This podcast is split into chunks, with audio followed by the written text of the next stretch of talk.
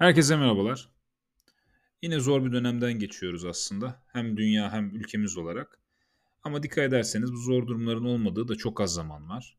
Yani tarihe baktığımız zaman sadece bizim hayatımızda değil, tarihe baktığımız zaman da bunu görüyoruz. Ama bunların olmadığı bir senaryoda bile ben yine aslında zor zamanlar yaşayacağımıza eminim. Ailemizde sorunumuz olabilir, okulumuzda sorunumuz olabilir, ilişkilerimizde olabilir. Çanta beğenmişsinizdir örneğin, stokta kalmamıştır. Bu bile canımızı sıkabilir. Peki neden bu kadar kolay mı gerçekten bizim canımızı sıkmak? Ne yazık ki böyle ama bunun bir nedeni var. Bunun nedeni bizim hala önemli olan şeylere değil de önemsiz olan şeylere değer vermemiz. Ne demek istiyorum? Biz nasıl yaşamamız gerektiğine kafa yormak yerine biz aslında nasıl kıyafetler giymeliyiz ona kafa yoruyoruz. Biz doğru davranmak nasıl olmalı bunu düşünmek yerine aman herkes beni sevsin, herkes bana güzel davransın ya da korksun içinde bulunduğumuz duruma göre. Bunlara kafa yoruyoruz. Yani başka bir deyişle kontrolümüz altında olmayan şeylere o kadar çok zaman ayırıyoruz ki aslında fark etmeden bunların yavaş yavaş kölesi oluyoruz. Şimdi bunun farkına varmak tabii ki belli bir evreden sonra gerçekleşiyor. Örneğin küçükken böyle bir gücümüz yok. Ve ne yazık ki etrafımızdaki insanlara da daha doğrusu etrafımızdaki insanların üzerimizde çok fazla gücü var. Çünkü beyin öyle hani sünger gibi özellikle küçük yaşlarda her şeyi kavruyor. Buna dikkat etmemiz gerekiyor. Neden? Çünkü biz farkında olmasak bile özellikle küçük çocukların yanında yapılan şeyler o insanların gerçekten gelecekteki hayatında ciddi sonuçlar doğurabiliyor, sorunlar yaratabiliyor demiyorum. Psikolog arkadaşlar burada çok daha hakimdir bu konuya benden ama özellikle mesela Türkiye'de cinsellikle ilgili şakalar çok yapılır küçükken. Yurt dışında da var elbette bunlar. Bize özgü değil. Bunlar çocukların ya da çocukların evet zihninde çok ciddi sıkıntılar çıkarabiliyor.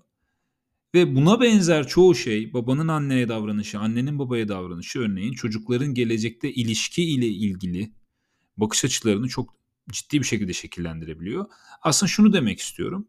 Biz küçükken etrafımızda olan olaylar bizi biraz şekillendiriyor ve küçükken böyle stoacılıkmış, zihin gücüymüş bunların da farkında değiliz. Dolayısıyla biz belli bir yaşa geldiğimizde aslında belirli doğruları olan ve muhtemelen bu doğruların da yanlış şeyler olduğu bir hale bürünüyoruz. Ve bu özellikle bu ergenlik sonrası ve bu yani erken gençlik diyelim işte 20-30 yaş arası hayatı çok zorlaştırıyor bizim için. Çünkü bizim belirli doğrularımız var artık ve bunlar aslında pek de doğru değil. Dolayısıyla bunlar bizim canımızı sıkmaya başlıyorlar. Ve bunların bizde yarattığı sorunlar oluyor. Nedir mesela? Özgüven sorunu olabilir.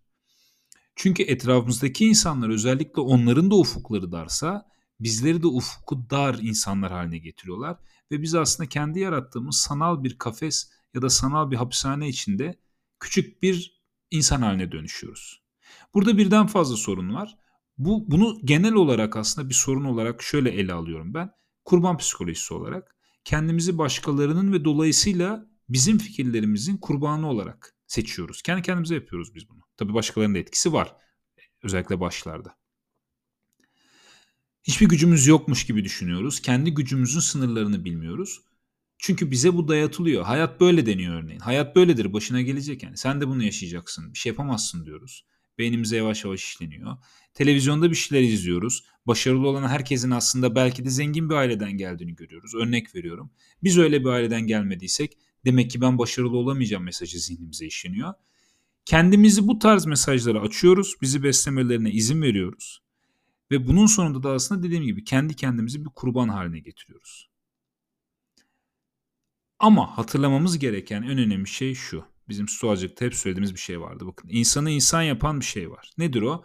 Diğer canlılarda olmayan bazı özelliklere sahibiz. Hatta iki tane ya da bir tane diye düşünebiliriz. Bizim irademiz yani olanları anlamlandırma yetimiz ve davranışımız. Biz davranışımızı seçebiliyoruz. Hiçbir şey altında kalmadan seçebilme özgürlüğüne sahibiz. Biz kalıyoruz genelde. Ama kalmadan da bunu başarabiliriz. O kadar kolay mı? Değil. Ama yapabiliyoruz. Dolayısıyla bu güce biz sahibiz.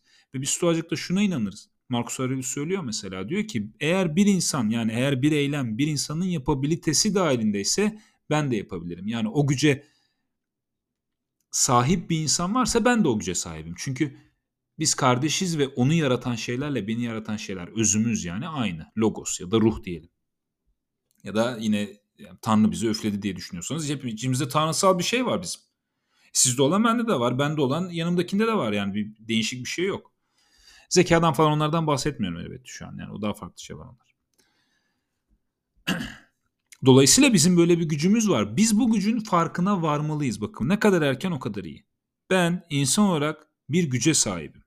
Şimdi buradaki o güç özgür irade diyoruz ama buradaki özgür irade elbette örneğin camdan atlayıp uçacağım ben. Hayır böyle bir şeyden bahsetmiyoruz. Bazı şeyler kontrolümüz altında değil. Başımıza gelenler örneğin nerede doğduğumuz. Hani coğrafya kaderdir denip duruyor ya ben ben çok desteklemiyorum o lafı tabii. Evet nerede doğduğunu seçemezsiniz ama nerede doğarsanız doğun iyi bir insan olmayı seçebilirsiniz. Nerede doğarsanız doğun kitap okumayı seçebilirsiniz. Yardımlaşmayı seçebilirsiniz. Şikayet etmemeyi seçebilirsiniz. Bu güçleri elimizden kimse alamıyor bizim. Bu insana has bir güç çünkü. Hatta Epiktetos buna bahseder. Zeus bile etkileyemez beni diye. Yani hatta e, Seneca'da da Epiktetos'u görebilirsiniz. Bazen Tanrı bize öyle güçler vermiştir ki yani bazı noktalarda belki Tanrı'nın bile üstüne çıkılabiliyor. O bile bize karışamıyor bir yerden sonra. Dolayısıyla biz bu güce sahipsek bunun farkına varıp bunu kullanıp aslında kendi kendimize ve etrafında bizim üzerimize yüklediği o çerçeve vardı ya kendimizi bir hapse sokmuştuk. O hapisten çıkabiliriz. Buradaki özgürleşme, zihinsel özgürleşme aslında o. Çünkü yine söylüyorum eğer bir şeyi bir insan yapabiliyorsa siz de yapabilirsiniz. Ama Epiktetos'un dediği gibi hazırlık yapmak gerekiyor. Yani bir güreşçi olmak istiyorsanız bir güreşçi nasıl olur? Onu araştırıp o yola öyle girmeniz gerekiyor. Bu bir insan bunu yapabilir derken öyle ben istiyorum yapacağım. Hayır isim, istemek yetmiyor. Bunun altına doldurmamız lazım.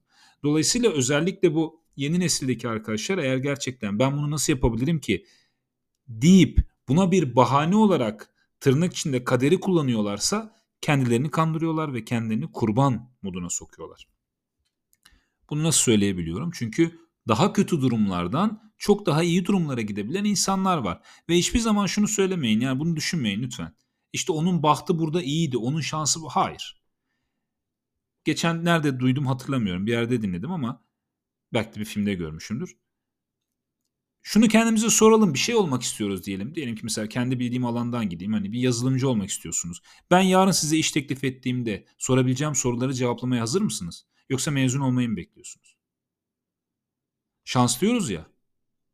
Diyelim ki yarın geldi şans. Yani o zaman şans değil mi? Siz hazırken karşınıza çıkan şeyler mi şans olacak? Hayır siz her an hazırlıklı olursanız karşınıza gelen her şey şans haline geliyor aslında. O yüzden bu istemek yetmiyor. Bahaneler üretmek yetmiyor. Biz ne zaman hazır olursak o zaman şunu diyebiliriz artık. Bir dakika artık ben hazırım. Karşıma gelen her şey benim için fırsat ve ben artık bunu seçebilirim. Bu özgürlüğe sahibim. Ama bunu demek için dediğim gibi biraz artık disiplinli bir şekilde gerçekten çabalamak gerekiyor. Peki bunu şimdi kenara koyalım. Dedik ki insanlar böyle şöyle davranıyorlar. Onlar da inanmışlar. Diyorlar ki işte bu hayat böyledir. Sen bir şey yapamazsın. Hani biz o kadar da güçlü varlıklar değiliz. Biz kurbanız. Üstü kapalı bunu söylüyorlar. Şimdi bunların da bir nedeni var aslında. Dedim ya gerçekten ailenizi seçemediğiniz için yani ailemizi seçemediğimiz için daha doğrusu onların ve etrafındakilerin bizim zihnimizi nasıl besleyeceğini çok kontrol edemiyoruz. Bu bizim kontrolümüz dışında olan bir şey. Ve gerçekten bir yaşa kadar belki buna talih diyebilirim. Gözünüzü açabileceğiniz, gözünüzün açılabileceği ortamlar içinde olmadıysanız, kitaplara denk gelmediyseniz o zaman bunların farkına varmak zor olabilir. Ama şu an bunu dinleyenler olarak konuşuyoruz biz. Şu an farkındayız çünkü bu, yani buraya kadar geldiyseniz herhangi bir podcast'te biliyoruz ki bir dakika böyle bir şey varmış biz bunu yapabiliyormuşuz tamam. Şimdi bunun bize verdiği güç şu olacak. Bunun bize verdiği güç böyle olmayan yani şu an bizimle aynı talihe sahip olmayan insanlara anlayış gösterebilme gücünü bize vermiş olacak aslında. Çünkü ben artık şunu diyebilirim. Evet bu insan belki düşüncesiz bir şey yapıyor ama daha iyisini bilmiyor ki. Bilmiyor bakın. Öğrenme imkanı da olmamış olabilir gerçekten. Ama siz ona o imkanı verebilirsiniz her zaman. Şu podcast'te mesela bu şey anlaşılmasın ben imkan veriyorum gibi değil ama kitaplar aslında yapıyor bunu. O kitaplar yani Seneca'nın, Epiktetos'un, Marcus'un kitabını gördüğünüz an artık o güce sahip oluyorsunuz otomatik olarak. O bize bu gücü veriyor direkt. Diyor ki bir dakika sen de yapabilirsin. O zaman benim kendime şu soruyu sormam lazım. Aa tamam ben de yapabilirsem buna ben acaba yapabilir miyim? Üstüne düşünelim Benim burada yaptığım tek şey aslında size bu desteği vermek. Evet yapabilirsiniz diyorum. Çünkü yapan insanlar var. Biz de bütün bir komünite olarak şu an böyle olmayan, bu talihe sahip olmayan insanlara bunu sunabilme talihine sahibiz. Dolayısıyla onlara kızmak bir işe yaramıyor. O, sen bana küfrettin. Ya adamın benle alıp veremediği yok. Bana küfür etmiyor aslında. İçi za- mutsuz zaten o. İçinde başka şeyler var. O kendi içindeki sıkıntısını dışarı vuruyor. Bana vurmuyor. Ben o sadece oradan geçen bir insan oluyorum o an. Yani biz insanların yaptığı davranışlarda diğerlerinin diyeyim insanların derken biz de insanız sonuçta. Diğerlerinin yaptığı davranışları bize yapıyorlarmış gibi düşünüyoruz. Burada kendimizi çok önemli görme huyumuz var bizim aslında. Hayat bizim üstümüze gerçekleşiyormuş gibi. Bize özel olaylar oluyor. Hayır bize özel bir şey olmuyor. Marcus Aurelius'un söylediği gibi. Hayatta olan her şey zenginin de fakirin de, iyinin de kötünün de, güzelin de çirkinin de herkesin başına geliyor. Çünkü aslında hayat kimsenin başına gelmiyor zaten. Orada olan şeyler var. Olayların birleşimi hayat. Biz orada oluyoruz sadece. Biz oradan yürürken ona tanık oluyoruz. Olay bu. 50 yıl önce yürüyenler tanık olmuyordu. 50 yıl sonra yürüyenler bazı şeylere tanık oluyor. 50 yıl sonrakiler başka şeylere tanık olacak. Bizler hepimiz birer tanığız. Ama biz diyoruz ki bir dakika bu bana oldu. Ben şanssızım. Niye benim başıma geliyor? İşte 100 sene önce olmamıştı falan filan. Kendi çok önemli bir şeymiş gibi görüp aslında şikayet ediyoruz, mızmızlanıyoruz. Her neyse. Bunu günlük hayatımızda da yapıyoruz. Dediğim oydu aslında. Biri bize kızdığı zaman, biri bize ters yaptığı zaman kendimize bakıyoruz. Diyoruz ki acaba beni sevmiyor mu? Acaba ben yanlış bir şey mi yaptım? Ya belki de bizimle alakası yok mevzunun. Ki zaten yok. Çünkü şöyle düşünebilirsiniz. Hep söylediğim benim yani en çok verdiğim örnek. Siz çok mutlu bir anınızı düşünün. Anlayışsız bir insanla karşılaşsanız ona kızar mısınız yoksa anlayış mı gösterirsiniz? Çok mutluyken. Anlayış gösterirsiniz muhtemelen. Çünkü o, o kadar keyiflisiniz ki aslında o karşınızdaki şey sizi bozamıyor o an. Sizi ele geçiremiyor. Ama yine hayat gailesi çoğu zaman o kadar mutlu olmadığımız için bizi ele geçirebiliyor aslında. Ama bu sefer şunu diyebiliriz biz. Bakın ben mutluydum. Anlayışsız bir insan anlayış gösterebildim. Bana neden anlay yani ben anlayışlıyım şu an karşımdaki anlayışsız. Peki benim biraz keyfim yokken anlayış gösteriyor muyum? Pek göstermiyorum. Ben anlayışsız oluyorum ben. Karşımdaki de anlayışsızdı zaten. O zaman karşımdaki de keyifsiz olabilir mi? Karşımdakinin aslında o an mutlu olmadığına bir ispat değil mi o davranış şekli? Olayın bizimle alakası yok aslında. Bu tüm yaşam için geçerli. Olaylar bize olmuyor. Olaylar sadece oluyorlar. Bize kızan biri aslında sadece öfkesini gösteriyor. Bize kızmıyor. Öfkesi dışarı taşıyor. Olaylara bu şekilde bakmayı başarabilirsek o zaman onlara takılmamayı da başarıyoruz. Çünkü bizim yaptığımız aslında sıkıntı daha doğrusu şöyle söyleyeyim. Bu olayların bize sıkıntı yaratması şöyle oluyor. Bu adam niye bana böyle yaptı? Bana niye bunu yaptı? Beni sevmiyor mu? Beni artık istemiyor mu? Ben yanlış bir şey mi yaptım? Bakın kendi kendimize kuruntu yapmaya başlıyoruz. Halbuki belki de olay bizimle alakalı değil dediğim gibi. Belki de olay karşımızdaki insanın kendi problemleriyle ilgili. Ve gerçekten eğer öyleyse o zaman benim bu kendi kendime hani konuşmanın ilk bölümünde yaptığımız şey bu söylenmelerin, bu takıntıların, bu mızmızlanmaların bir işe yarıyor mu? Hayır yine bu soruyu sormamız lazım. Yine aynı yere geldik. Ben ne yapabilirim? Ben gidip o insana destek olabilirim artık. Yani aslında şunu demek istiyorum. Bize kızan insana bizim destek olmamız lazım. Bize küfredene bizim yardımcı olmamız lazım. Ama biz öyle değiliz. Biz bize küfredene küfrediyoruz. Bu aslında işte Hammurabi'den bu İsa'ya kadar giden yolda bu değişimi görüyoruz biz. İsa'nın vardır yani bir tokat atana diğer yanağını dön diye. Tabii yanağımızı dönelim demiyorum ben de. Biz tokat atmayalım diyorum. Aksine gidelim yardımcı olalım. Çünkü bize tokat atan biri varsa demek ki gerçekten mutlu değil. İyi hissetmiyor. Belki kendi de farkında olmayabilir ama belli ki hissetmiyor. Çünkü doğasına aykırı bir şey yapıyor. Stoacılığa göre doğaya uygun olan akla uygun olandır. Kimseye tokat atmak akla uygun değildir hiçbir zaman. Bunu istediğimiz kadar süsleyebiliriz ama değildir. Çünkü işe yaramıyor. Kendinizi düşünün. Birisi tokat atarak sizi terbiye edebilir mi? Yoksa siz o ol, yani şöyledir mesela şöyle düşünelim. Diyelim ki bir köpek var e, eve pisliyor tamam mı? Ve siz dövüyorsunuz hayvanı her pislediğinde. A noktasına pisledi dövdünüz. Bir daha A noktasına pislemiyor evet. Ama B noktasına pisliyor. Gene dövdünüz. Bu sefer B'ye de pislemiyor. Tam iki yeri öğrendi. C'ye pisliyor. Siz her koordinat noktasını evdeki her santimetre kareyi pislemesini bekleyip dövecek misiniz eğitmek için? Yoksa onu doğru bir yere alıştırmak mı? Acaba doğru olan. Yani buraya yapmalısın deyip onu mu hani pozitif desteklemek, negatif desteklemek yerine. Dolayısıyla şunu demek istedim. Hani bu tarz eylemler bir işe yaramıyor. Bizim doğruya yönlendirmemiz lazım. Bu yanlış, bu yanlış, bu yanlış demek de olmuyor. Bizim doğruya yönlendirmemiz lazım. Dolayısıyla biz kimi doğruya yönlendirebiliriz bu arada? Hani doğru yolda olmayanı. Bize negatif davranan, bize küfreden, hakaret eden, mobbing yapan insanlara sen yanlış yapıyorsun, sen yanlış yapıyorsun demek yerine bizim onları doğruyu göstermemiz lazım. Yine aynı yere geldik her podcast'teki konuyu aslında. Nasıl yapıyorduk bu eğitimi? Biz o insan olarak. Yani öyle bir hayat yaşamamız lazım ki bizim. Bu bize kötü davrandığını tırnak içinde düşündüğümüz insanlar bize bakıp diyecek ki ya ben de böyle olmak istiyorum. Adam o kadar laf söylediler sinirlenmedi. O kadar zorluk içinde yaşıyor ama şikayet etmiyor. O kadar sıkıntısı var ama hala gülümsüyor. Ben de böyle olmak istiyorum desinler. Bunu demesi için bunu görmesi lazım. Bu insanlar bunu görmediyse nasıl böyle olabilir? E biz bunları göstereceğiz işte.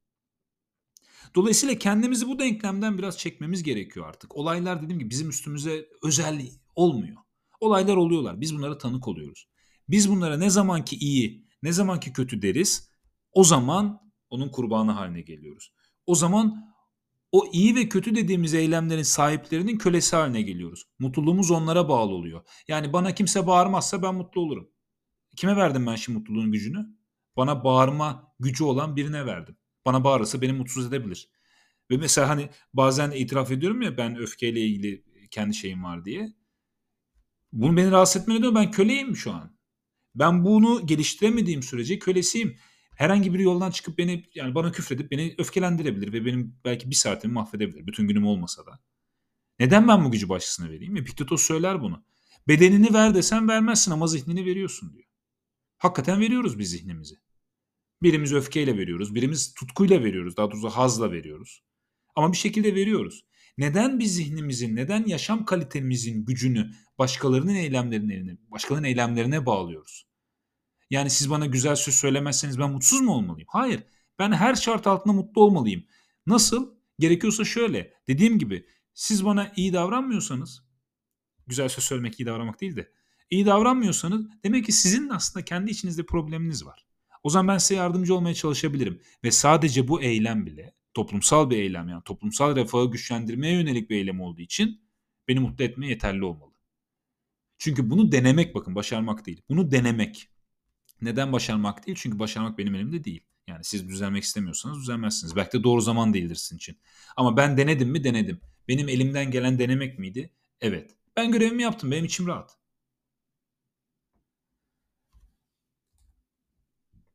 Birden fazla konudan konuşur gibi oldum ama aslında bir yere bağladığımı düşünüyorum. Dolayısıyla özet olarak şunu söylemek istiyorum. Biz yanlış şeylere odaklandığımız sürece sıkıntılardan kurtulamayacağız. Bizim doğru şeylere odaklanmamız lazım. Elimizde olan şeylere, kendi irademize, kendi davranışlarımıza odaklanmamız lazım. Ve gerçekten dediğim dediğim gibi aslında şunu düşünelim. Biz bu insanların karşısında o kadar güzel bir insan olabiliriz ki, o kadar güzel bir örnek bizim gibi olmak için çabalayabilirler. Bu kolay değil. Bu da bizim için bir çaba. Ama zaten kolay olmasını da hani niye bekleyelim? Yani ne kolay ki zaten. Dünyada hiçbir şey kolay değil. Her şeyin çabalamak lazım. Bunlar için de çabalamak lazım. Hep bir podcast'inlik bir kitap okuduk. Tamam çözdük artık bundan sonra hayat çok güzel. Hayır böyle değil. Eğer zorluk yaşamıyorsak o zorluk yaşadığımızda nasıl tepki vereceğimizi ancak tahmin edebiliyoruz. Ama ona hazırlanabiliriz. Ve şu an aslında hepimizin yapması gereken şeylerden biri de bu.